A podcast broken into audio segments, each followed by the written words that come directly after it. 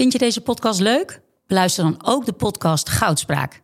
Ik ben Minkeboy. Als voormalig tophockeyster weet ik hoe Olympisch goud voelt. In de openhartige podcast Goudspraak praat ik met sporticonen die straks in Parijs voor het hoogste podium gaan. Over de weg naar goud. Beluister nu de podcast Goudspraak. Welkom bij mijn Drive podcast, waarin ik, Mark Tuitert, op zoek ga naar de drijfveren van atleten, ondernemers, wetenschappers en artiesten. Dit keer ben ik op bezoek bij AZ Alkmaar, de voetbalclub die niet tot de geëikte top 3 behoort, maar volledig inzet op talentontwikkeling. Ik praat met hoofdperformance Marijn Beuker en topsportbegeleider Bart Heuving. Hoe bewaak je een duidelijke visie? Hoe ontwikkel je talent in je voetbalteam en bedrijfsorganisatie? Over de focus op een groeimindset. Over wat het is om talent te zijn. Wat is talent? En over het aannemen van de juiste mensen en geloven in waar jij mee bezig bent. Zowel op het voetbalveld als daarbuiten. Luister naar en leer van Marijn Beuker en Bart Heuving. Ik zit hier in Wormerveer bij het opleidingscentrum, uh, trainingscentrum van AZ. Met hoofdprestatie en ontwikkeling en innovatie. Hele mond vol, Marijn Beuker. En uh, Bart Heuving. En hij is uh, topsportbegeleider. En we gaan het hebben over ja, wat al niet meer en er allemaal komt kijken bij talentontwikkeling onder andere. Um, maar ook hoe een voetbalclub gerund wordt. Uh, vanuit het perspectief ja, van, van opleiden. Want dat is het eigenlijk, hè, wat jullie doen. Um, als AZ, niet de top drie. Uh, de geëikte top drie, Feyenoord, PSV uh, en Ajax. Maar, maar jullie. De top vier. Maar de top vier, hè, jullie vierde zijn. Nee, maar het, het, gaat, het gaat om winnen in topsport natuurlijk. Maar als ik aan AZ denk, dan denk ik eigenlijk veel meer aan opleiden, ontwikkelen. Ja, nou voor ons gaat het om het winnen op de lange termijn dus daar zijn wij wel eh, met de hele club mee bezig. Want op zich gaat het er niet om dat je de titel beste opleiding hebt. Maar wij willen uiteindelijk eh, een bepaalde prestatie neerzetten met het eerste elftal. En daar hebben wij eh, in onze visie wel dan, dan spelers voor nodig die het beste misschien wel zelf kan ontwikkelen. Even een kleine introductie. Ehm, hoe ben jij, waarom ben jij bevangen geraakt, Marijn, door talentontwikkeling? Hoe ben je bij AZ terechtgekomen? Nou ja, om met die laatste vraag te starten. Ik, ben, ik werk hier nu eh, twaalf seizoenen. Uh, ik kom oorspronkelijk uit Arnhem. Uh, dus ik ben min of meer bij toeval hier terechtgekomen. Dus nadat ik ben gestopt met mijn reguliere middelbare school, ben ik naar het buitenland gegaan om ervaring op te doen, talen te leren. Toen kwam ik terecht bij de Universiteit van Johan Cruijff in Amsterdam. En ik wilde in die tijd, dat was het seizoen 2006, 2007, wilde ik per se naar AZ toe. Waarom? Ja, omdat dat een club was waarvan ik uh, proefde, om het zo maar te zeggen. Dus het was ook een gevoel dat daar uh, op een andere manier naar ontwikkeling werd gekeken. En dat uh, kwam door, door Marcel Brands, Louis Vergaal, Toon Gerbrands, Dirk Scheringa. Dus alles wat ik daarover hoorde in de media, in de, in de pers. En ik, ik ging daar ook nog wel een beetje naar zoeken. Uh, ja, liet mij wel zien dat hier een bepaalde cultuur heerste. En dat, en ja, dat trok me heel erg aan. En toen ben je hier naar binnen gewandeld? Nou ja, toen heb ik uh, heel brutaal, moet ik zo maar zeggen, uh, de telefoon gepakt. En ben ik mensen gaan bellen. Totdat ik uiteindelijk onze, of de toenmalige hoofdopleiding, uh, Alois Wijnker, aan de telefoon kreeg. En ja, de dag later was ik hier in Alkmaar. Of eigenlijk daar in Alkmaar, want we zitten nu in Sandam. dus, en je begon als? Ja, dat noemden we ontwikkelingscoördinator. Maar in de essentie deed ik toen wat ik nu nog steeds doe. En dat is gewoon continu de vraag stellen: uh, wat gaat er goed, wat, wat kan er beter? Maar vooral waar willen we staan over uh, vijf jaar, over tien jaar? En wat is er voor nodig om daar uh, stap in te maken? Oké, okay, Bart. Hallo. Jij? jou, was eigenlijk wat is jouw achtergrond, achtergrond, en hoe ben jij hier ja. bij AZ terecht? Nou, we beginnen wel een beetje hetzelfde als wat Marijn aangeeft. Ik studeerde bewegingswetenschappen, daarna psychologie gaan doen. En ik wilde graag in de praktijk werken. Ook veel clubs een beetje de size bekeken, de verhalen gehoord. En eigenlijk, ja, hoe Marijn net aangaf, triggerde mij ook wel uh, wat AZD qua, qua jeugdopleiding in eerste instantie. Mm -hmm. uh, toen eigenlijk als stagiair begonnen. En eigenlijk na die stagiairschap steeds uh, doorgegroeid. En inmiddels al een aantal jaren ook fulltime, fulltime in dienst. Je hebt een psychologische en bewegingswetenschappelijke ja, achtergrond. Ja. Ik studeerde bewegingswetenschap en toen merkte ik van ja, ik weet een hoop, maar ja. wat nieuwsgierig. Dus ik dacht, eigenlijk op de psychologische kant weet ik nog wat minder. En niet zozeer omdat ik sportpsycholoog wil worden, maar veel meer, ik dacht die processen. En uiteindelijk is een heleboel psychologie wat mensen doen. Dus ik dacht, als ik die studie ga doen, kan ik ook de kennis die ik al heb over het menselijk lichaam Mhm. beter overbrengen. Want Ja. het gaat niet zozeer om uiteindelijk wat je weet, maar hoe je het overbrengt op anderen. En daar leer je bij psychologie een hoop van. Eh, en uiteindelijk ook wel gemerkt, wat we hier voornamelijk proberen, is eigenlijk spelers zo sterk al op te leiden vooraf, zo- zodat er uiteindelijk geen problemen ontstaan. Persoonlijkheden creëren, ja, als het ware. wat In, in, en dat heet in literatuur dan meer de positieve psychologie. Ja. Dus niet als het eerst fout gaat, dan oplappen, maar Ja. eigenlijk preventief al sterker maken. Positieve psychologie. Oh, jij bent ook voornamelijk bezig met mindset. Hè? Growth mindset. Die, eh, die ken ik. Die boeken die, lees ik ook. Over Carol Dweck onder andere. Eh, mooie theorieën erover. Gaan we het met jou over hebben. Daar ben ik heel erg benieuwd Ja. naar jouw visie daarover. Hoe je dat toepast eh, in jeugd. Marijn, even weer naar jou. Ehm, hoe, ik ben wel blij dat je zegt van ja, het gaat wel om winnen. Natuurlijk gaat het om winnen in topsport. Ehm, heel vaak hoor je verhalen, het is mooi, talentontwikkeling. Ik heb er wel eens discussies over met mensen. eh, die zeggen van ja, een jeugdopleiding, je moet talenten helpen. Je moet ze helpen ontwikkelen. Maar waar, waar ligt het verschil tussen eh, het ontwikkelen en het eh, beter maken en de winning attitude hebben en ook gewoon die wedstrijd willen winnen, ook gewoon keihard zijn? Ja, ik weet niet of er een, een verschil in ligt. Voor ons betekent het eigenlijk dat je het over hetzelfde hebt. Nou, ik heb om je aan te geven, ik heb wel eens een discussie met mensen dan van wat is een goede coach? Is een goede coach iemand eh, die veel wedstrijden wint? Zou logisch zijn hè, voor de buitenwacht. Of is een goede coach die mensen van eh, niveau eh, 5 naar niveau 10 brengt? Terwijl ze niet een wedstrijd per se hoeven te winnen. Ja, nou ja, kijk, dat, dat, dan heb je het natuurlijk ook over eh, jeugd, jeugdcoaches. Hè? Dus als je het, als je het aan, aan mij vraagt, dan is een goede coach. Als je het hebt over het eerste elftal, is natuurlijk iemand die eh, wedstrijden eh, wint. Hè? Die eh, eh, niet alleen wedstrijden, maar ook eh, eh, competities, Mhm. hè? toernooien wint. Alleen voor ons, volgens mij, eh, spreek ik dan ook wel voor, eh, voor Bart. Hè, als ik de vrijheid mag hebben om dat te doen. Maar eh, uiteindelijk gaat het er bij ons om dat we in de manier hoe we dat halen, kijken vooral naar ontwikkeling. Ja. Want nou ja, onze rol, hè, dus, dus, dus zowel mijn rol als wat meer op het eh, grote plaatje en die van Bart eh, in, de, in de begeleiding van spelers, eh, houdt niet op bij een bepaald team. Dat gaat van het eerste elftal wat binnenkomt en eigenlijk het traject daarv- daarvoor zelfs nog. Ja, tot en met eh, de laatste stap dat een speler eh, hier de club verlaat. Op welke leeftijd dat dan ook is. Dus het is jeugd, het is, het is eerste elftal, het is scouting. die hele voetbaltak zit hier ook bijeen. Maar, en als je kijkt naar een jeugdtrainer, ja, dan is dat iemand die natuurlijk vooral spelers moet ontwikkelen. Maar het leren winnen is daar ook weer een hele belangrijke factor van. Kun je leren winnen? Ja, zeker. En op meerdere manieren. Gaan we het over hebben? Ik denk om if- daarbij nog, ja? om daarbij nog aan te vullen. Uiteindelijk natuurlijk een trainer die uiteindelijk zorgt voor winst. Eén van de onderdelen om uiteindelijk op de langere termijn te winnen... is je spelers optimaal ontwikkelen. Ja. Dus hij wordt vaak tegenover elkaar gezet. Winnen of Mhm. opleiden. Terwijl inderdaad nou leren winnen zit er al tussen. Maar misschien nog wel een belangrijke punt... is uiteindelijk ja, als je de vraag poneert... eh, en eigenlijk polariseert daarmee... is het opleiden of winnen... zet je ze tegenover elkaar. Nou, wij geloven er heel erg in dat het ook samen kan gaan. En dat eigenlijk het opleiden eh, aan de basis staat... van uiteindelijk een potje winnen. En beide moet je dus als trainer hebben. En uiteraard hè, kan je ook zorgen. Je hebt iemand die er iets beter is in het direct in het hier en nu winnen. Die ga je wat meer dingen aanleren. Hoe doe je dat ook op lange termijn? Andersom, iemand die heel erg op lange termijn focust, ga je wat meer weer aanleren van hey, wat kan je nu doen voor deze wedstrijd in het hier en nu, zodat de kans op winst het grootst is. Ja, helder. Hoe doen jullie dat bij AZ? Wat maakt AZ zo anders dan uh, het voetbalwereld is? Um, die is aan het veranderen, maar vanaf, vanaf de buitenwereld er naartoe gekeken vrij traditioneel, vrij opportun. Hè? Er komt de Chinees binnen, die koopt van alles, die koopt hier, die koopt daar. Um, wat maakt uh, wat jullie doen zo onderscheidend in het voetbal? Nou ja, kijk, ik denk om te beginnen, jij noemt net het woord anders, onderscheidend. Uh, dat is vooral ook een, een etiket die mensen erop uh, plakken. Ik kan wel zeggen terecht of niet terecht. Mm-hmm. Maar kijk, uiteindelijk maken wij keuzes omdat wij dat op de langere termijn de beste keuze voor AZ vinden.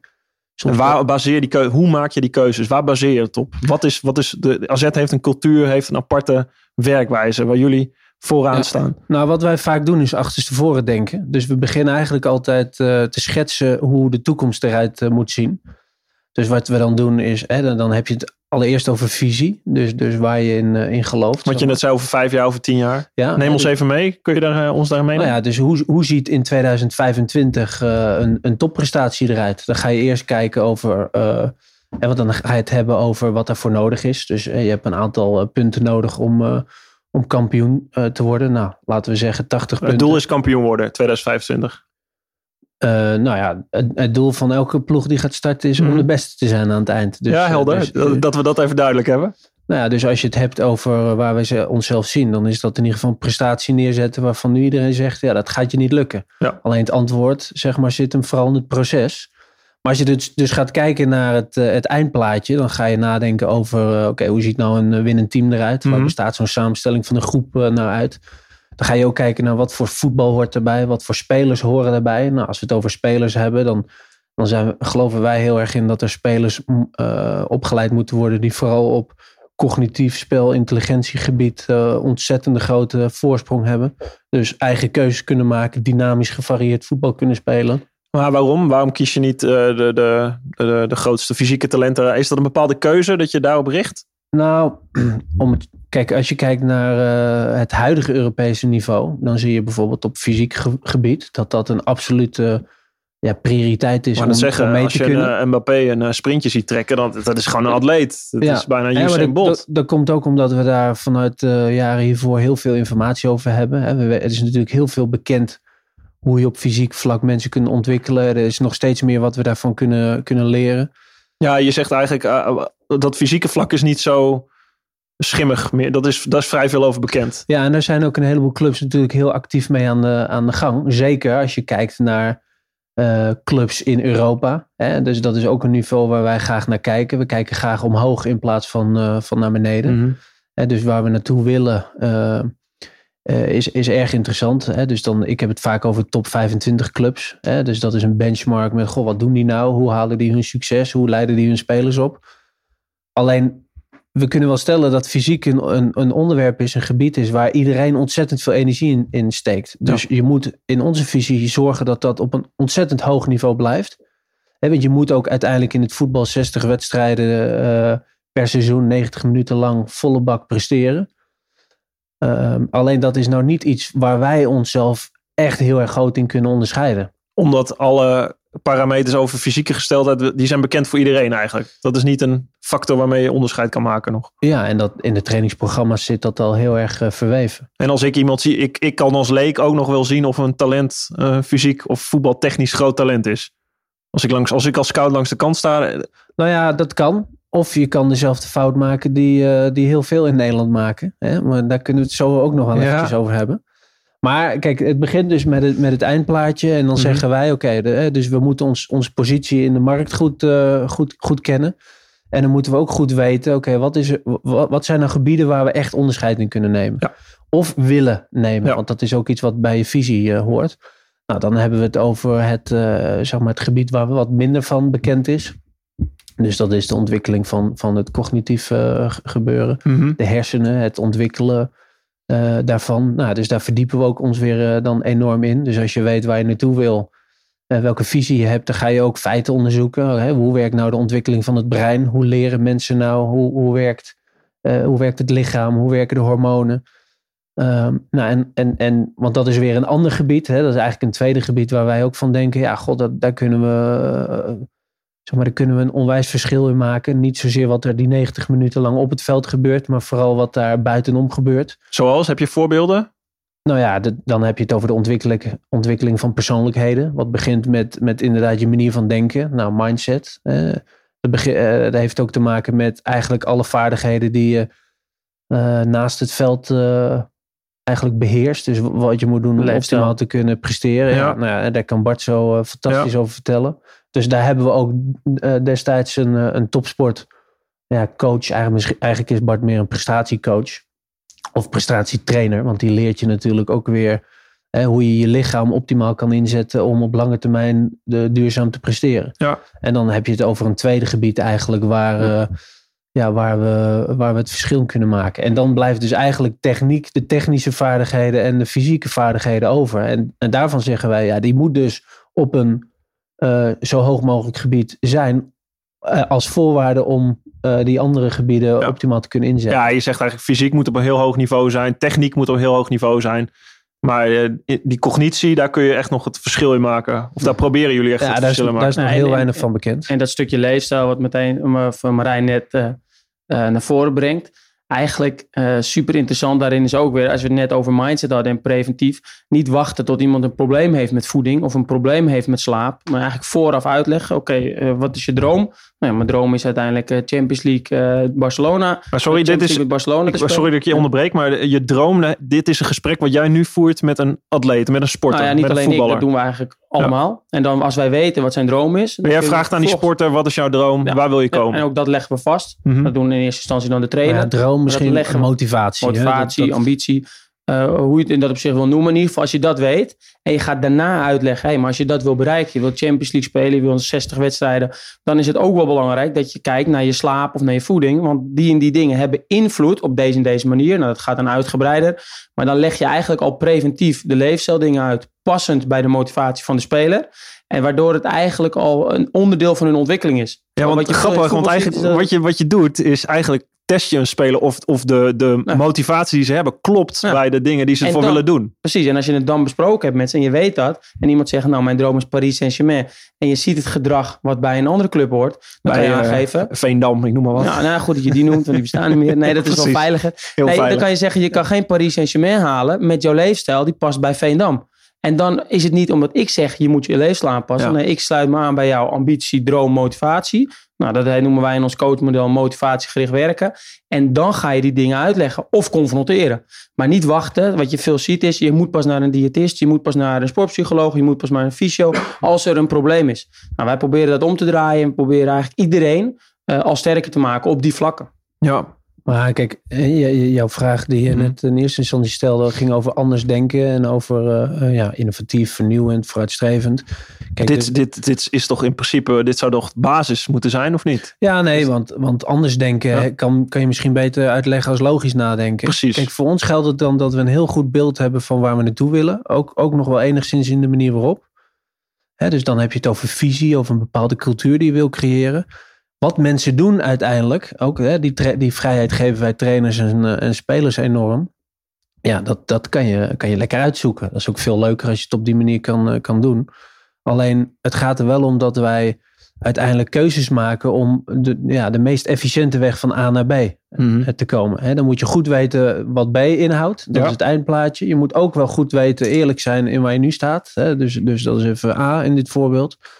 En om van A naar B te komen, ja, dan, dan ga je feitelijk eh, onderbouwde kennis en, en feiten ga je gebruiken eh, in, jouw, in jouw strategie, om het zo maar te zeggen. En voor ons, ja, dit is meer collateral, eh, ja, collateral damage, maar dan omgedraaid. Dus dat is meer bijzaak of mensen ons dan vooruitstrevend eh, Hmm. noemen. Want Nee, ik snap wat je zegt. Het is niet, je doet het niet om innovatief te zijn. Je doet het gewoon omdat je erin gelooft. Omdat je Mhm. zo het beste Ja. team kan samenstellen Nee, om dat die is- wedstrijden te dat winnen. gebeurt, nou, dat, dat, ik denk best wel dat er hier en daar nog wel clubs zijn die, Ja. hè, of bonden, hè, Voor het ja, of organisaties die dat als eerste graag willen zijn en dan eh, andere keuzes maken. Marijn, kun je ons heel even meenemen in... Jij wil wedstrijden winnen. Dat willen jullie hier als, als club natuurlijk. Eh, kampioen worden. Zo'n best mogelijk prestatie leveren. Je hebt een, een hele, hele club met allemaal gradaties. Het eerste is daar het, eh, het, het, het, het boegbeeld van. Die moeten leveren. Daar zit een hele organisatie onder.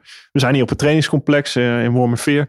Ik eh, zie hier eh, eh, kinderen door de gang lopen. High-fivend met jullie die terugkomen van de training, zo neem ik aan. Ehm, hoe ziet die hele organisatie eruit? Want als je, hoe- werkt dat met elkaar? Hoe zorg je dat een talent gescout wordt? Waar kijk je naar? Zijn dat, welke kenmerken wil je daarbij hebben? En hoe past dat in een cultuur om uiteindelijk op jouw manier of op jullie manier wedstrijden te winnen? Ja, nou, misschien begint het nog wel een stapje eerder. eh, begint het met de mensen die, eh, die je selecteert eh, in, je, in je staf, in je kader. Hè, want, want je wil als eerste mensen hebben hier die eh, ja, eigenlijk geloven wat wij geloven. Ja. Dus, dus, dus redelijk dezelfde visie hebben. Maar gaat het echt over cultuur? Echt over. Ja, dan gaat het over een aantal, eh, eigenlijk misschien wel grond, eh, een grondhouding van, eh, van presteren. in- wat zijn die dingen? Wat zijn die grondhoudingen? Nou ja, dat je gelooft in ieder geval dat eh, alles te ontwikkelen is.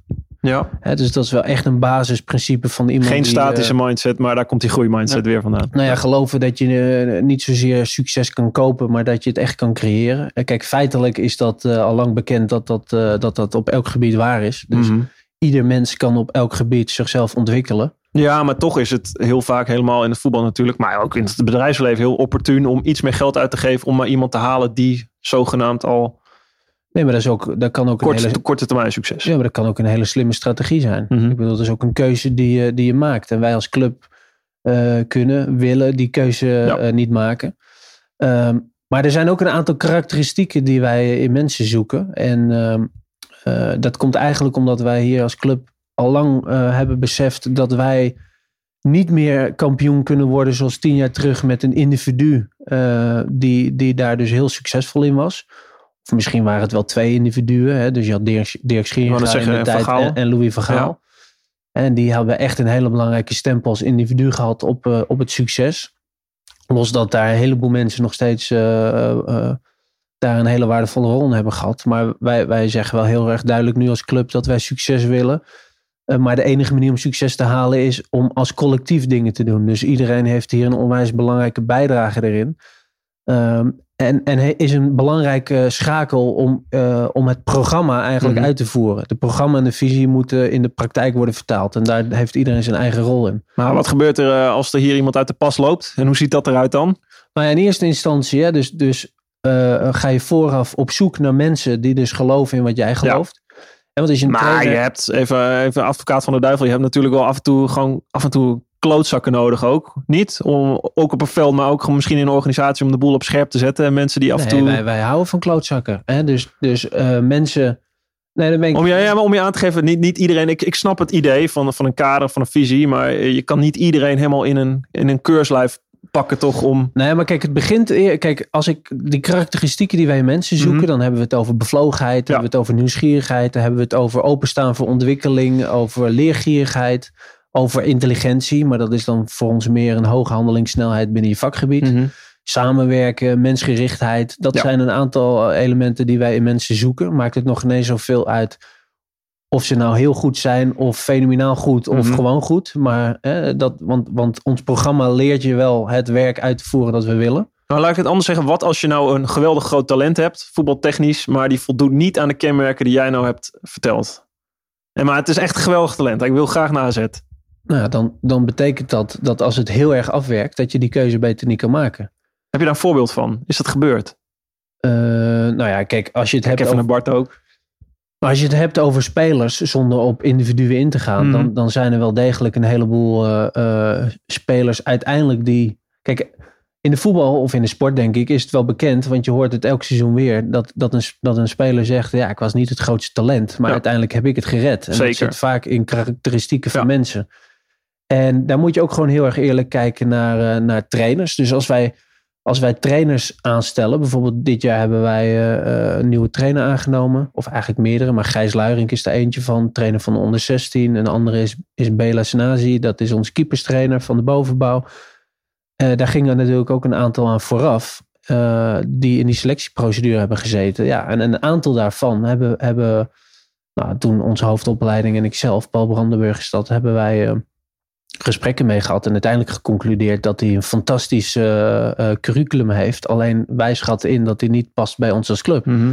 Omdat hij toch genoodzaakt is om te zeggen, ja, je hebt het of je hebt het niet. Mhm. Nou, dus voor die trainer hebben we, geen, hebben we een andere keuze gemaakt. Dus uiteindelijk zijn we bij Gijs eh, terechtgekomen die die karakteristieken wel Ja, je heeft. begint eigenlijk met een omgeving te schetsen eerst. Eerst een omgeving met de juiste trainers eh, en Ja, team. ja. En dan pas komen eigenlijk de voetballers. Ja. Ja. En, en, en die trainers, maar ook onze spelers, geven we enorm veel vrijheid. Hè? Dus we vertellen, of nou, vertellen, Mhm. we maken duidelijk waar we aan het eindplaatje naartoe willen. Mhm. Ook een aantal, eh, zeg maar, visionaire keuzes die we daarin maken. En daarbinnen zijn mensen vrij om te doen wat ze op dat moment willen. Heb je daar een voorbeeld van? Nou, ik, ik was meer eh, misschien wel een voorbeeld, Bart? maar ook, kijk, het moment dat, dat er iemand binnenkomt, ofwel een trainer of een speler, zou het natuurlijk gek zijn als wij zelf inderdaad aangeven in onze visie is alles zit te ontwikkelen, Ja. dat je al bijvoorbeeld zegt, hey, totaal ongeschikt. Dus Ja. je kijkt wel of iemand in dezelfde dingen gelooft, maar ook daarin geloof je, zowel bij een speler als bij een staflid, dat hij wel bepaalde dingen, hij komt in deze cultuur, dus dat hij de bepaalde ontwikkeling gaat doormaken. Het zou inderdaad gek zijn als jij zegt, wij geloven dat alles kan ontwikkelen en jij moet wel als klaar product binnenkomen, zowel Ja. als speler als staf. En wat daarnaast wel, als een speler, hoe jonger een speler is, het is eigenlijk makkelijker om een goede speler op te leiden dan om iemand die al een heleboel dingen heeft gemist, dat in te halen. In het Engels gebruiken we vaak een quoteje: It's easier to build strong children than to repair broken men. Dus ja, dat, is wel, dat zijn wel dingen waar je natuurlijk wel naar kijkt. En, Mhm. en een heleboel spelers die nu ook uit de jeugdopleiding zijn doorgegroeid naar het eerste. Ja, die zitten al lang in de jeugdopleiding. Die hebben dus een heel groot deel van het programma, zo niet het hele programma, kunnen volgen. En zie je die veranderen?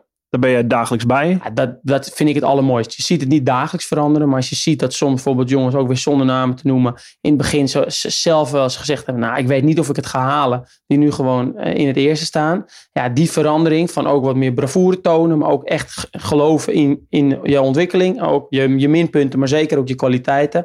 Ja, dat vind ik het mooiste van mijn werk. Dat je echt mensen kan opleiden. En dat stopt niet alleen in de jeugd. Want in het eerste ben je ook nog aan het verder ontwikkelen. Wat je dus ook opleiden kan noemen.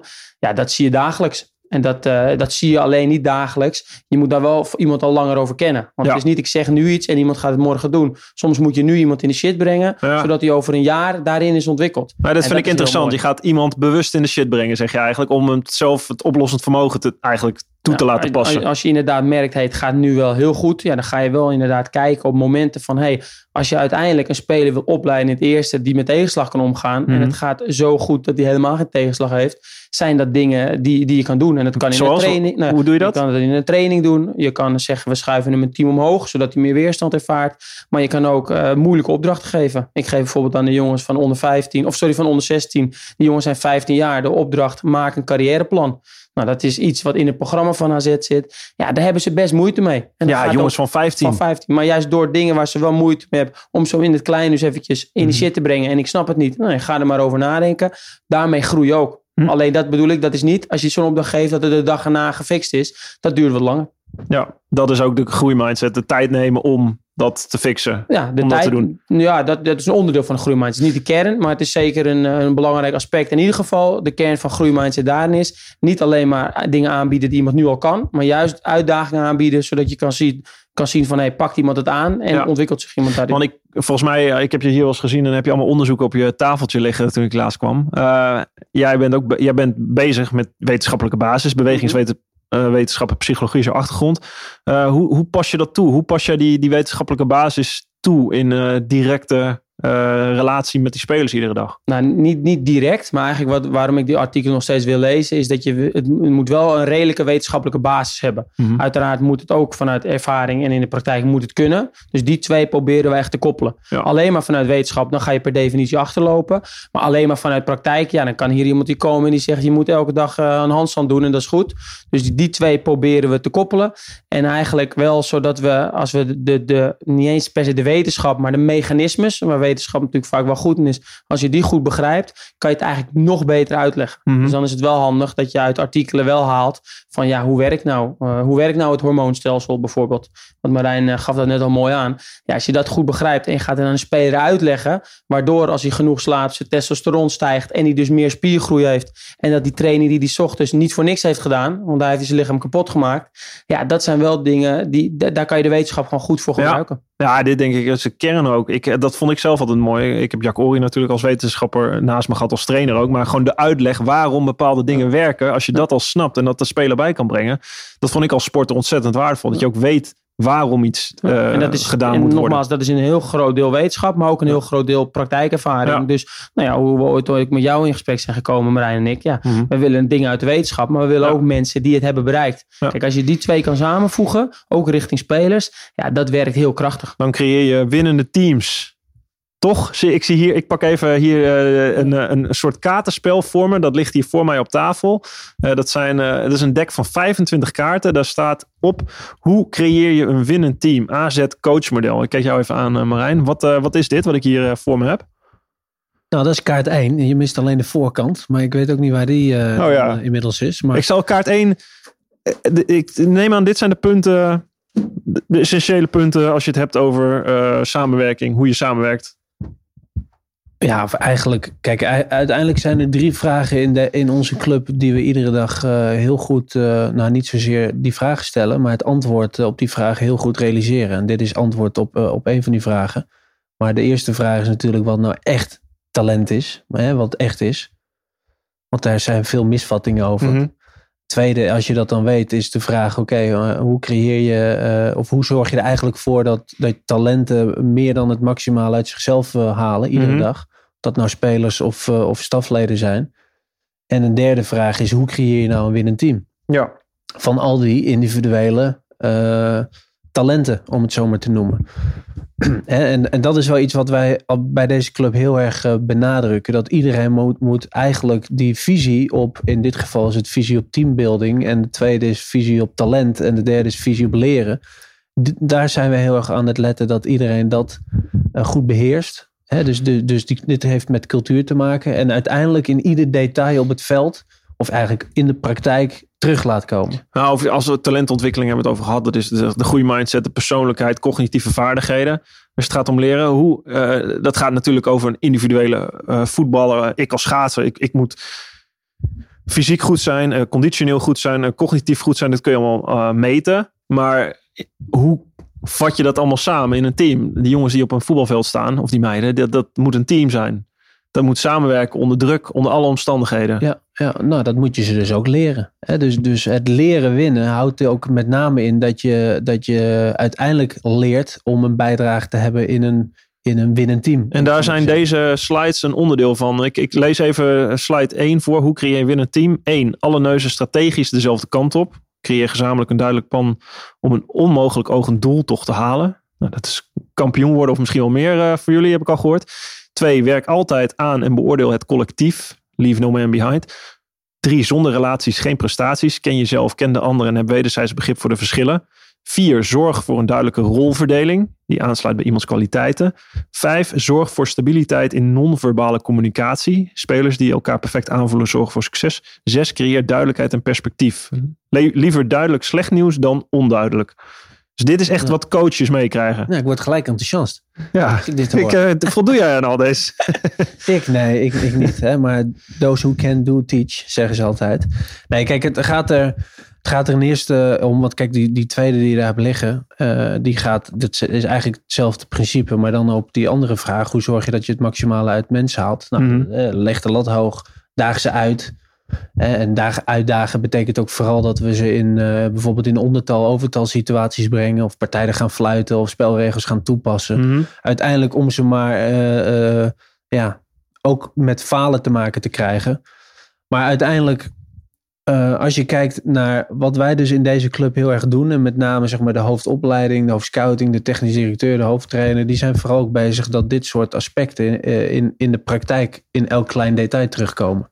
Maar het begint met groot en dan ga je terug naar detail. Maar als je hier met die eerste mhm. sheets uh, begint. Um, dit, dit gebruik je om met coaches...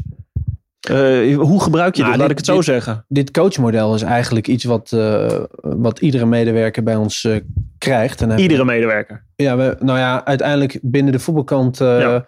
De trainers, dus iedereen die, ja. die een team aanstuurt. Dus we hebben een voetbalversie en we hebben een organisatorische versie. Dus ook op het stadion hebben de ja, afdelingshoofden en de coördinatoren Mhm. deze. Dit is gewoon een hulpmiddel die ons, ons helpen in het, ja, het ontwikkelen van, van talenten. En dit, in de coachgesprekken daaromheen. Ja. Dus, hè, dus het is gewoon een klein hulpmiddeltje. Ja.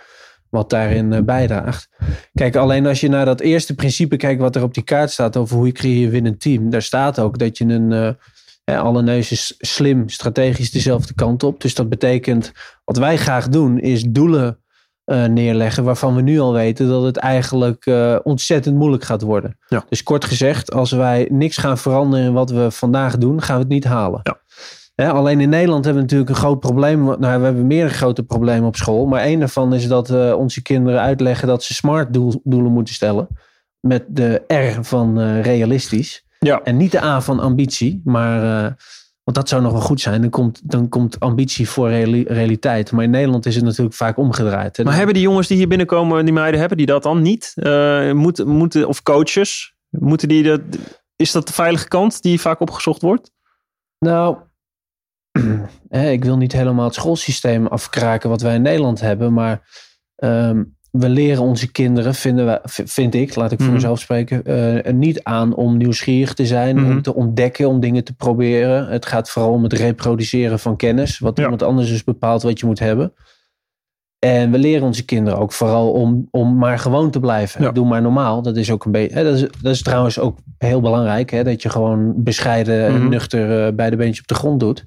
Aan de andere kant is, uh, is zeg maar topsporten willen. Dan wil je ook best wel iets unieks bereiken. Ja. En wat wij onze kinderen en, en, en teams willen aanleren, is dat ze doelen neerleggen die net iets te hoog zijn. Waarvan je echt even hard moet werken Ja. om het voor elkaar te krijgen. Heb jij daar een voorbeeld van, Bart? Uit jouw praktijk? Ehm, nou, wel, ja, ja, eigenlijk een eh, best wel goed voorbeeld. Als je uiteindelijk met iemand in gesprek komt en uiteindelijk geeft iemand aan, ja, wat is jouw droom? Ja, eh ja, Eredivisie hoop ik te halen. Ja. Ja, liever een wat hoger doel stellen, wat ambitieuzer. Want dan kan je ze ook meer confronteren en meer dingen uitleggen. Mhm. Dan dat iemand zegt, ja, ja, ik zie het wel. Of ja, ik hoop maar dit te halen. Dus eerst inderdaad eh, de lat hoger leggen. Ja. Voordat je eh, gaat, ermee gaat werken. Ja, ik zou zeggen, je wilt toch alleen maar jongens hebben die zeggen van ik wil eh, Champions League Ja, winnen. maar dus niet alleen hebben. Want dan kom je weer. Stel nou dat jij uit een omgeving komt. waarin Mhm. jou dat. Jou is altijd door jouw vader of moeder gezegd. Nou, doe maar niet zo gek hoor. Nou, je mag wel blij zijn dat je naar AZ kan. Nou, kijk maar dit eerste jaar. En eh, misschien moet je wel weg.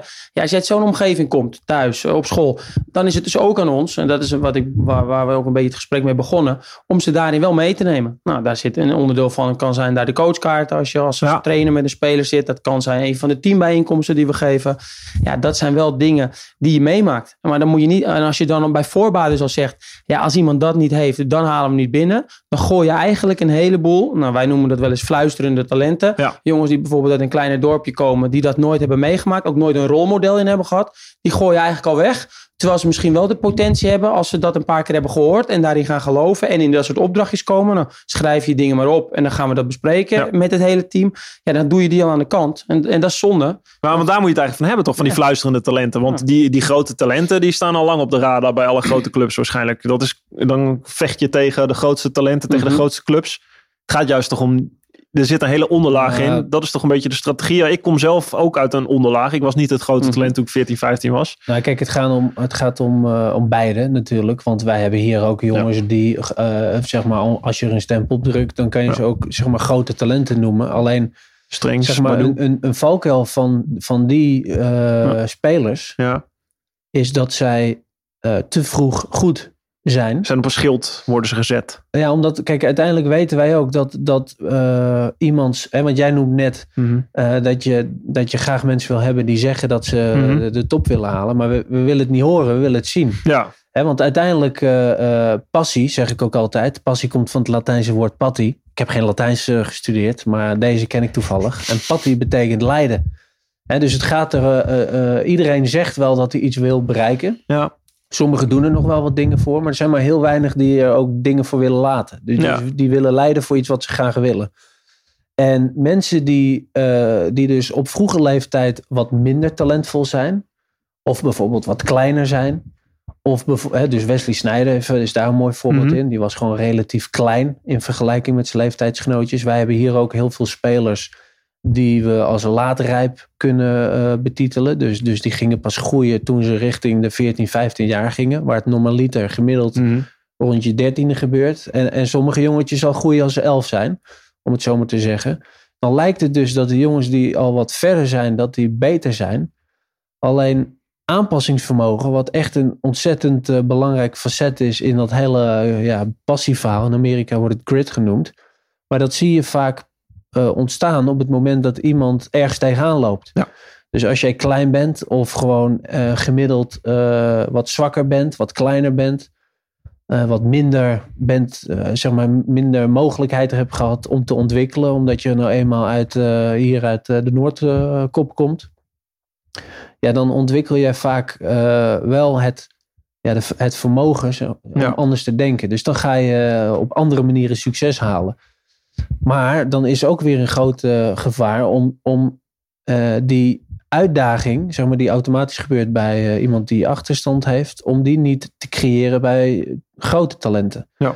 Want dat is natuurlijk ook iets wat je moet doen. En- Ja. En, doe je niks, dan laat je het recht van de sterkste, zeg maar, creëer je. Hè? Dus dan Mhm. gaat het over survival of the fittest. Ja. Die, dan komt die ook echt wel bovendrijven. Alleen wij geloven er nou eenmaal in om een bepaalde voedingsbodem hier te creëren. Waardoor iedereen, of je nou vroeg Mhm. of laat rijp bent, of Precies. gemiddeld rijp bent, wordt uitgedaagd. Ja. Alleen voor de een moet je wat meer doen dan voor de ander. Ja. Dus wij Dus hebben, echt op individuele basis kijk je van, hey, die komt daar van, die daar vandaan. En dat is gewoon echt het begeleiden en het op. ja, wij kijken gewoon, wij- het klinkt een beetje cliché, maar wij kijken gewoon als eerst naar de mens achter Ja. de speler. En ieder mens is uniek. En dan kijken we wel naar, naar, jou, Ja. naar jouw eh, zeg maar, gedragsvoorkeuren. Louis Vergaal, heeft Louis Vergaal hier nog iets mee te maken, bedenk ik me nu? Met zijn eh, Totale mensprincipe. mensprincipe. Nou ja, de- kijk, eh, Komt van AZ. Die heeft toch Kijk. ook stempel gedrukt hier? Nou, wij, wij proberen van iedereen eh, enorm te leren. Hmm. En wij hebben hier een aantal. eh, eh, en we hebben hier een aantal trainers gehad. De een eh, succesvoller dan de ander. Eh, maar van iedereen proberen we wel te pikken eh, wat, wat, wat, wat die bijdraagt. Nou, en eh, toevallig hebben we van, eh, van Gaal wel wat meer dingetjes eh, gepikt. Ja. ja. Wat goed is, dat eh, probeer je van te leren. Trouwens, wat niet goed is, probeer je ook van te leren. En nu heb je de hele organisatie staan. Er komen mensen door, eh, talenten door die zich ontwikkelen. En als je nou even verder kijkt naar 2025. Om eh, even, hoe, hoe staat daar een AZ dan? Zijn dat eh, allemaal zelf opgeleide spelers die mentaal eh, ontzettend weerbaar zijn en eh, voor een titel kunnen gaan? Nou, kijk, eh, laten we vooropstellen dat wij totaal niet tevreden zijn met, eh, of tenminste, eh, we zijn niet 100% tevreden met waar wij, eh, Mhm. wat wij nu aan het doen zijn. Dus we nee, zijn maar dan kan je me ook weer. voorstellen dat een, een, een Jan Baks die wordt verkocht. Dat was een belangrijke pion. Eh, je hebt toch ook daarmee te maken dat spelers gewoon goede spelers weggekocht worden. Je kan ze mooi opleiden. Fantastisch. Zometeen een 19, 20, 21 jaar talent dat hij de sterren van de hemel speelt. Maar ja, die speelt volgend jaar misschien Nee, dat is ook, weer ergens anders. dat is ook niet, niet erg. Je moet daar ook eh, eh, al vooraf gaan kijken hoe gaan we dat, eh, hoe gaan we dat opvangen in de toekomst. Hè? Dus de- ook daarin ben je vooral in de toekomst aan het kijken. Maar ben je dan niet, loop je, ik bedoel, zeg, bedoel je dan niet, loop je dan niet altijd tegen een grens aan? Maar Ja, kun je het eigenlijk uiteindelijk wel bereiken, dat doel? Omdat je eigenlijk een soort, misschien wel jezelf slachtoffer wordt van je eigen succes. Als je goed opleidt. Nou ja, in Nederland heeft iedereen daarmee te maken. Dus uiteindelijk zou dat, eh, zou dat, hè, geldt dat voor elke Nederlandse club, Mhm. wat je nu schetst. Dus dat zou eh, wat minder invloed moeten hebben op je kampioen zijnde. Aan de andere kant moet je dus, het begint dus heel goed te realiseren hoe presteren eruit ziet. Eh, en om maar een voorbeeld even te geven, want als ik praat over top 25 van Europa, dan, dan, dan weet in, ieder, in eerste instantie weet je niet waar het om gaat. Totdat ik uitleg dat je 60.000 punten nodig hebt in vijf jaar. Dat zijn er dus 12.000 per jaar. Dat betekent dus ieder jaar in ieder geval de groepsronde van de Europa League of Ja. Champions League halen. En daarin 8 tot 10 punten halen. Als je dan ook nog overwintert. Dan heb je in Europa League heb je, heb je Mhm. gemakkelijk 12.000 punten. Mhm. Dus, dus zo ziet zeg maar iets eruit wat we willen behalen. Alleen als je dan... eh, ja, jij vroeg over hoe ziet AZ eruit in 2025. Ja, kijk, jeugdspelers hebben uiteindelijk niet zo'n heel, hele grote invloed. Sec gezegd een jeugdspeler of je kampioen Nee. wordt. Hè, dus waar wij... Hè, want, want je moet je ook goed afvragen... waarom heb je nou een jeugdopleiding nodig? Ja. Nou, in eerste instantie is dat omdat je een bepaald soort speler wilt ont- eh, ontwikkelen. Maar we gaan er ook echt niet vanuit dat wij straks 100% eigen jeugd in ons elftal Ja. willen hebben. Hè, wij willen een con- continue doorstroom van een bepaald soort speler in ons eerste. Of dat nou jeugdspelers zijn of aangekochte spelers. Want wij zijn, zeg maar, met die ontwikkeling zijn we met iedereen bezig. Ja, met iedereen. Hè? Ook de hele organisatie van AZ. Ja, Vertelde je me al. Dat vind ik ook nog interessant. Om eh, de hele organisatie. En dan bedoel ik, dat is niet alleen de voetbaltak. AZ is gewoon een bedrijf met hoeveel man? Ja Vrouwen? laten we zeggen 67 mensen aan de organisatorische kant. 40 aan de voetbalkant. Dat is dan zonder spelers. Dus als we naar spelers kijken, hebben we er, nou, laten we zeggen, 130 spelers. Ook nog een groep van 200 mensen die in het voortraject zitten. En hebben we ook nog een team van eh, vrijwilligers eh, en oproepkrachten. Volgens mij zijn het er een stuk of 500. Dus het is een hele organisatie om, eh, om, om een hele voetbalclub, een heel bedrijf. Hoe, hoe werken die principes? Kun je die principes die je in het voetbal zit en, eh, ziet en in talentopleiding, die jullie toepassen, hè, waar hier dat mooie coachmodel voor ligt met die kaarten, kun je dat toepassen ook op een organisatie? Ja, eh, eh, volgens mij moet je dat eh, toepassen. Hè? En eh, eh, alleen de context is anders. Maar op het moment dat ik met een, eh, met een eh, trainer zit eh, die een groep mensen in zijn eh, groep aanstuurt, eh, helpt ontwikkelen om, een- om iets neer te zetten. Dan, dan zie ik precies hetzelfde gebeuren als dat ik met onze marketing, eh, eh, eh, hoofd, hoofdmarketing zeg maar, eh, in gesprek ben, die, die hetzelfde probeert te doen. En dus wat wij als eerste heel erg goed willen, is dat mensen gaan begrijpen welke rol je hebt in het grote geheel. Mhm. Nou ja, trouwens, dat staat Dat ook staat op hierop, kaart, hè, teamrollen. Ook daarin wil je dat de lat net iets hoger wordt gelegd dan, eh, dan ze gewend zijn, Ja. om uiteindelijk ontwikkeling te forceren. Dus jij praat ook met, jullie praat, Bart, praat jij met mensen uit de organisatie ook hierover? Nee, ik zit, ik zit zelf wel voornamelijk echt aan de voetbalkant. Dus hier Ja. op het trainingscomplex. Marijn doet het wel meer. Maar je probeert natuurlijk wel met elkaar, hè, want nu lijkt het of je er helemaal nooit meer over praat. Het is niet mijn formele rol, maar uiteraard, kijk, eh, je, je, je zei het net al goed met, met je handbaks. Natuurlijk, die gaat weg, dat is vervelend. Mhm. Maar je gebruikt hem ook weer als eh, de goede dingen die hij heeft gedaan. Van hey, dit is een bepaald onderdeel van zijn succes. Dat gebruik je naar spelers. Maar uiteindelijk, los van het verhaal Johan Baks. Als ik het verhaal Johan Baks goed naar spelers breng, maar zelf het verkeerde voorbeeld geef. Ja. Denken spelers op den duur ook. Ja, laat hem maar lekker lullen. Ja. Nou, zo werkt het natuurlijk niet alleen ik als eh, meer werk met de voetbalspelers, maar zo dus de hele kant. Ja, je wil uiteindelijk een cultuur creëren die door iedereen gedragen wordt. En dus ook iedereen, ja, niks werkt zo krachtig als voorbeeldgedrag. Ja. Dus ja, het zou, wat Marijn net ook zei, bijna gek zijn als je het alleen maar op, aan één onderdeel doet. Want een heleboel eh, mensen van de organisatorische kant zien ook dagelijks die, eh, die spelers. En beïnvloeden dus door Ja, hun eigen en vice versa. en houding. Ja, en vice versa. Dus, eh, ja, dus, je wil, je dus wil, ja. je wil eh, kijk, wij, tenminste je wil, je- wij willen als club gewoon een bepaalde cultuur. Ja. Hè, en cultuur zeggen wij altijd is wat je gewend bent. Hè, dus welke manier van denken en dat vertaalt zich in gedragingen ben je Maar- gewend. Ga je dan ook zitten met zo'n coachingsmodel? eh, ga je met een manager van de club? Heb je ook zo'n gesprek? Ja, die heeft precies hetzelfde. Die heeft precies hetzelfde kaart. Kijk, uiteindelijk, uiteindelijk hebben wij met elke medewerker hier binnen de club hebben wij gesprekken over eh, zijn ontwikkeling. Kijk, eh, het begint alleen altijd bij de motivatie van een individu. Hè, want dat Mhm. stuurt mensen altijd aan. Dus wij vragen eigenlijk heel simpel, nou, hoe zie jij dingen? Waar wil jij nou in ontwikkelen? Daarin voegen we natuurlijk ook altijd Ja, dat toe. is in een normale organisatie toch totaal anders dan in een voetbalteam, of niet? Is een voetbalteam, dat zijn jongens die willen winnen. En, en in een normalere bedrijf, bedrijfsorganisatie is het gewoon, nou, ik, Nou ja, kijk, als ik een paar jaar geleden dat had gezegd, dan had ik het nog steeds wel eh, ingevuld met nee, dat is precies hetzelfde. Alleen Ja. dat wist ik niet. Inmiddels weet ik nu dat dat eh, precie- precies hetzelfde is. Alleen wij zijn niet gewend in onze maatschappij om op die manier te denken. En wij geloven heel erg in, eh, in ontwikkeling. Het gaat ook niet om presteren. Het gaat gewoon om de vraag, ja, hoe kan jij weer beter worden? Mhm. En falen zie, ga, je dan zien, ga je dan niet zien als, of zeg maar fout maken, ga je niet zien als falen. Je gaat gewoon een fout zien om, om ruimte voor ontwikkeling in kaart te brengen.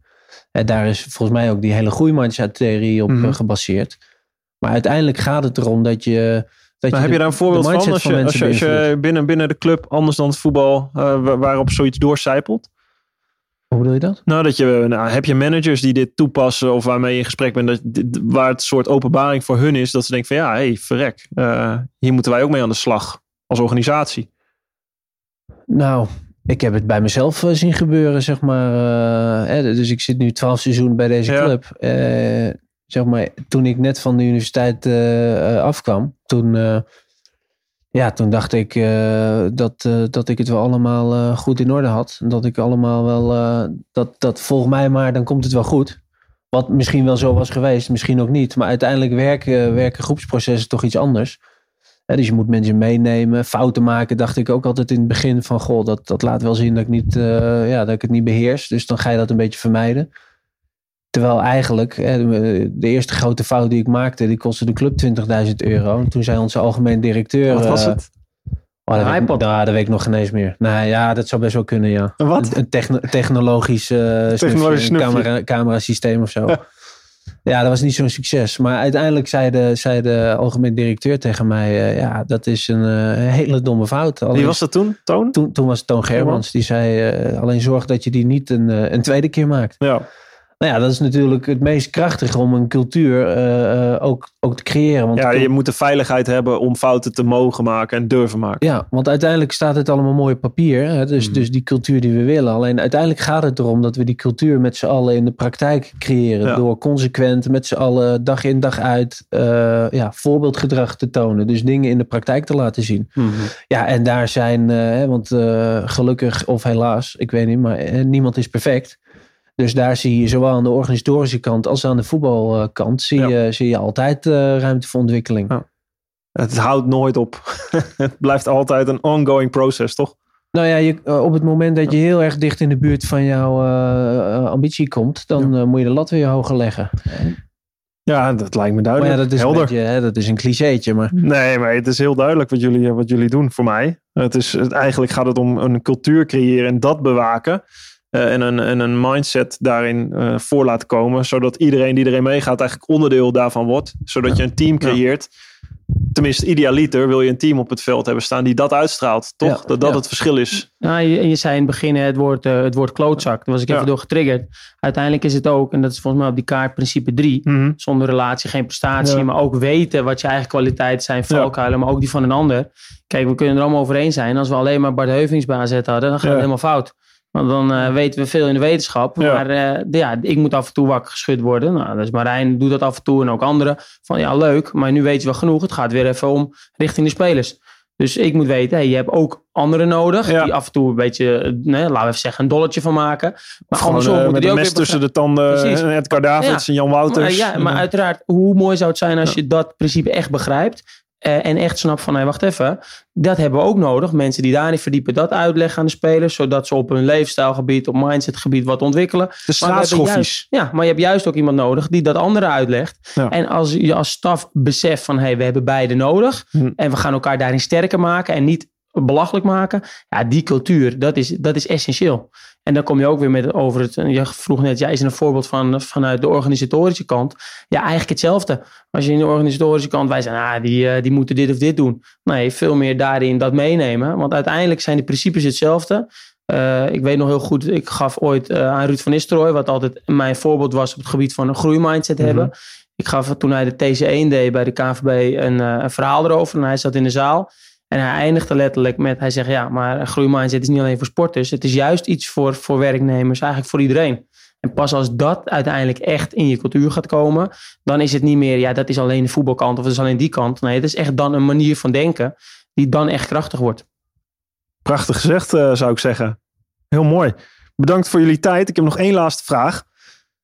Wat mij eh, triggert is: wat als je nou gewoon 100, 200 miljoen hebt? Gewoon, je mag alles kopen Ja, wat maar- los en vast zit. Wat Ja. zou je doen voor AZ? Waar zou je dat geld aan besteden? Gewoon als geld geen issue is. Ja, kijk, eh, Maar je moet toch vasthouden aan je wil, vasthouden aan je principes, denk ik. nee, ja, 100 procent. Alleen, kijk, het antwoord wat ik nu ga geven kan, eh, klinkt misschien ook wel een beetje naïef. Maar kijk, ik, zal, ik geloof enorm in deze visie. En ik niet alleen. En iedereen die hier, hier eh, werkt, die gelooft enorm in die visie. En eh, het gevaar van heel veel geld kan zijn dat je niet meer gaat nadenken over wat nou echt eh, logische stappen zijn. Ja, je kan het ook in logische stappen steken. Je kan ook zeggen, we, maken, eh, we doen iets met de jeugdopleiding. Of we- we- Nee, wat kijk, zou je doen? Je moet kiezen. eh, 100 miljoen, bab. Nou, uiteindelijk moet je dat investeren in, eh, in, eh, in mensen. In mensen. eh, Maar in spelers voor het sp- Ja, gewoon spelers over de hele linie. En, en, en, en mensen. En die kan je, die kan je ook misschien nog meer belonen. Want toevallig stond er vandaag een heel mooi stukje in de krant van Short Moussou in het Al- Algemeen Dagblad over het, het belonen van je, van je, van je kader. Wat Heel kort, wat was de strekking prima- van het verhaal? Nou ja, als je, ging erover dat als je nu de transfer ziet die Ja. eraan eh, kunnen komen. Dat, ik geloof Willem II, die heeft natuurlijk Frenkie de Jong eh, hebben we het over. de Jong- 75 miljoen Ja, maar PSG. ook met, eh, met eh, eh, Virgil Ja, van, Van Dijk. Dijk. Hè, die zijn allemaal getraind door, hij noemde even één trainer, Ja. voorbeeldtrainer. Eh, ja, en die, daarover, kijk, voor veel opleidingen in Nederland is het best wel aanpoten. Ja. Hè, dus, dus je hebt een aantal opleidingen, waaronder AZ, die, ja, die, die enorm veel daarvoor eh, betekenen voor mensen. Dus Mhm. je kan hier gewoon, we hebben allemaal fulltime mensen in dienst. Hè, dus dat is eh, hartstikke, hartstikke Maar prima. wat was de strekking? Wat was de boodschap van de column? Ik heb hem niet Nou, gelezen. dat er meer in geïnvesteerd moet worden in, eh, in jeugdkader, om het zo maar te zeggen. Omdat dat de, de basis is, misschien wel de fundering van talentontwikkeling in Nederland. Ja. Ja, en, en de strekking was daarin ook inderdaad dat, dat nu die bedragen betaald Mhm. worden die naar bepaalde mensen, clubs en dingen Ja. gaan. Terwijl je, eh Sjoerd zei het heel mooi, vergeet niet wie er aan de baas hebben gestaan. Ja. Die zien dan misschien nu het in geld terug, maar vaak ook minder in waardering. Ja. Terwijl dat wel, eh, ja, is niet het enige deel van hun succes, maar wel een belangrijk onderdeel geweest. En dat je dat niet moet vergeten. Maar kijk, Ja. om toch, hè, ik ben introvert, dus ik heb nog even moeten nadenken over die eh, vraag. Kijk, ik vind hem best wel gevaarlijk. Vraag hem ook zo aan jou. Zeg maar, als je, wel na te 200, als je 200 miljoen hebt, Ja. wat natuurlijk heel erg veel, eh, Mhm. dat is echt heel erg veel geld. Ehm, kijk, je, je kan natuurlijk heel simpel zeggen, we gaan het investeren in spelers, in, in mensen. En dat, dat zul je ook echt wel gaan doen. Alleen, ik zit vooral even na te denken over, om de valkuil die daaruit eh, ontstaat. Omdat je dan ehm, mensen die heel erg veel geld hebben, die zijn minder gedwongen om goed na te denken over waar ze dat geld uit aan geven. En Mhm. onze hele cultuur is ontstaan omdat we altijd op slimme manieren op zoek moesten Ja. naar andere wegen voor succes. Dus dat wil je Mijn broertje zit in de creatieve behouden. industrie. Die zegt, ehm, je wordt creativiteit, dat, het komt pas tot uiting als je niks meer hebt. Dan, dat is pas creatief. Daar oplossingen mee Ja, zoeken. precies. Ja, heel en, mooi. En kijk, je ziet hier in, in, in, een, eh, in, ons, in ons complex. Hè, Ja. eh, we hebben een fantastische, ja, we noemen het een En voetbalspeeltuin. je mag het ook aan een goed doel geven, hè? Het is voor Nou, mij dat niet laten, uit. we dat, laten we dat zeker doen. Hè, als je dan, eh, hè, dat, dat is sowieso. Nee, maar eigenlijk Nou, zeg je van het, is, het, is, het zou eerder een, een gevaar kunnen zijn om een hele club op te blazen dan dat het een zegen zou zijn. Nou ja, je moet heel goed je identiteit halen. eh, blijven Ja. eh, houden. Kijk, nee, nu ik erover nadenk, ik denk dat het heel erg goed is. Ik wil om- een antwoord, hè? Ja, ik, Nou ja. ik heb hem al hoor. Ja? Ik zit al te popelen. Nee, even wachten Bart. Ja. Hè, want bij mij komt er steeds meer op nu. Nee, ik zou het, ik zou het, kijk, ik zou het aan de ene kant zeker investeren in spelers, maar meer om spelers langer bij de club te kunnen houden. Ja. Want principe 4 van dit model, hè, creëren stabiliteit in je organisatie. Ja. En dat krijg je door mensen lang te binden. Dus als je kijkt naar eh Dat is al een prestaties- En groot spelers, goed. Staf en spelers. Staf en ja, spelers staf en spelers, maar vooral ook spelers. gaat mijn ding. Alleen als je nou. Kijk, ik zou het ook heel erg belangrijk vinden, omdat. eh, ja, daar zijn wij sowieso heel erg veel mee bezig om ons achterland eh, daarin te ondersteunen. En, De clubs, de verenigingen. Ja, en daar gaat toch sportbreed gaat er best wel veel, nou ja, niet fout, het gaat ook niet mis, maar eh, eh, er is heel veel ruimte voor ontwikkeling Mhm. door heel veel mensen een, eh, een gelijke kans te geven. Gewoon jeugdvoetballetjes. Ja, omdat het heel erg moeilijk is om op een hele vroege leeftijd Ja. te zeggen: jij wordt het, jij wordt het Ja. niet. Ook voor ons en we weten daar best wel veel Ja. van. Maar wil je- Helder. Oh ja, ik heb, ja, ik ja, heb ik ga zo helder. Ik, Bart, ik, zeg, ik, maar zeggen, wil even Bart horen Nee, waar... nee, eh, staf en spelers had ik ook, maar dan ook meer staf aannemen voor juist het achterland ontwikkelen. Dus eigenlijk gebaseerd op die column van Sjoerd Moussou. Ja. Eh, veel meer jeugdtrainers in dienst die bij de amateurclubs aan de gang gaan. Ja, en een, een groot deel van het geld, van wat je zei, 120 miljoen. Ik zou in ieder geval eh, met, met iedereen, zowel met de spelers, maar zeker ook met de staf, eh, clubs gaan bezoeken. Omdat je merkt dat, stel we gaan naar Atletiek Bilbao, kijken hoe Mhm. dat daar gaat. En dan gaan we ook meteen naar de All Blacks. Nou, die tickets zijn ja. Dat doen we al. tickets, die tickets zijn wat duurder. Ja, maar dan juist met iedereen. Juist zodat ook jeugdspelers dat ervaren en zien van... hé, hey, wacht even, dit zijn Mhm. de principes die wij Mhm. normaal natuurlijk wel vertellen... en filmpjes laten zien, maar dat echt ervaren. Ik denk dat dat echt een heel krachtige leerervaring is. Ja. En dan dus niet ook even een paar dagen. Nee, we gaan gewoon drie, vier weken met iedereen... daar kijken wat daar gebeurt bij de All Blacks, bij Atletiek Bilbao... Eh, nou, mogen Marijn nog de derde uitzoeken. Ja. Maar dan, even, kijk, je makkelijkste oplossing zou zijn... ja, dan koop je die of Ik die. wou net zeggen, als je dit. kampioen wil worden in 2025, ik zou even eh, die 100 miljoen even een paar hele goede Nou, spelers eh, neertikken. En dan eh, zijn je doelen gehaald, jongens. Doelen gehaald. Gaat het toch om? Ja, en, en, Topsport. en- ja, en, maar daarna misschien stort het helemaal weer in. Nee, dus je, kijk, uiteindelijk. Er zal vast wel iemand nu luisteren die denkt: wat zijn die eh, gasten nou weer allemaal aan het vertellen? Maar kijk, uiteindelijk, uiteindelijk wil je duurzaam presteren. Inderdaad. precies, dat dus is het, nou, ja. kijk, en voor 200 miljoen, dan kan je best wel duurzaam presteren. Alleen je moet het wel slim, slim Nee, ja, gaan eh, tuurlijk. faciliteren. Ik snap het helemaal. Het gaat erom natuurlijk, je wil duurzaam, duurzaamheid. Dat is in topsport helemaal hoe opportuner het wordt in een sport, hoe moeilijker Precies. het is. Überhaupt om een geldstroom in gang te houden. Überhaupt om talent door te laten stromen, nieuw te laten vinden. Het is gewoon een cyclus die altijd doorgaat. En misschien is in het voetbal wel de, de top die daar, het, het- nou ja, aan de ene kant het slechte, aan de andere kant het goede voorbeeld is. Hè, de Manchester City's, PSG's van deze wereld, die alles opkopen met geld. Maar er zit natuurlijk een hele onderstroom op. Dat komt inderdaad, dat begint allemaal bij dat clubje. Ergens in een organisatie en dat stroomt door. Ergens naar talent dat Ja. ontwikkeld wordt. Dat bij een eerste komt hier. Nou ja, Wat weer dat, en doorstroomt. dat is duurzaam presteren, hoe jij nu zegt. Maar vergis ook even niet. Want eh, een mooi documentaire hoor, van Manchester City met All or Nothing. Mhm. Maar daar zie je de jongens die het gehaald hebben. Je ziet de successen. Ja. Maar je ziet natuurlijk niet de 200 jongens die daarheen gehaald zijn Ja. en het niet gehaald hebben. En als talent dat- dat ten, valt aan bij een mij lot worden onder- overgelaten. Nou, precies. En Ja. dat valt bij mij ook onder duurzaam presteren. Dus duurzaam presteren hier. Hè, om uiteindelijk kampioen te worden. Nou, als Ja. we wat principes van de All Blacks leren daar met iedereen terwijl we daar zijn, dat is goed. Ja. Maar ook als jij als jongetje uiteindelijk om wat voor reden ook, Ja, kan een blessure zijn, kan anders zijn, Mhm. afvalt. Maar je hebt daar dingen geleerd die je in de rest van je leven toepast. Dan is het niet alleen duurzaam presteren hier, maar eigenlijk voor je hele, hele omgeving. Prachtig. Dank jullie wel. Graag gedaan. Dank je voor het luisteren naar mijn Drive podcast. Wil je nu meer afleveringen luisteren? Abonneer je dan op mijn podcast via Spotify, iTunes of YouTube. Je kan me vinden onder Drive Podcast Mark Tuitert. Of bekijk alle informatie en alle podcasts op www.firstenergygum.com. Ga je naar het tapje media en het tapje podcasts. Daar vind je alle informatie. Laat me ook weten wat je van deze podcast vindt en welke gasten jij graag zou willen horen. Daar ga ik daar werk van maken. En dat kan je doen via mijn eigen social media kanalen. Mark Tuitert, je kan me vinden op Instagram, Twitter en LinkedIn. Ga gedreven verder, zou ik zeggen. En tot de volgende Drive Podcast.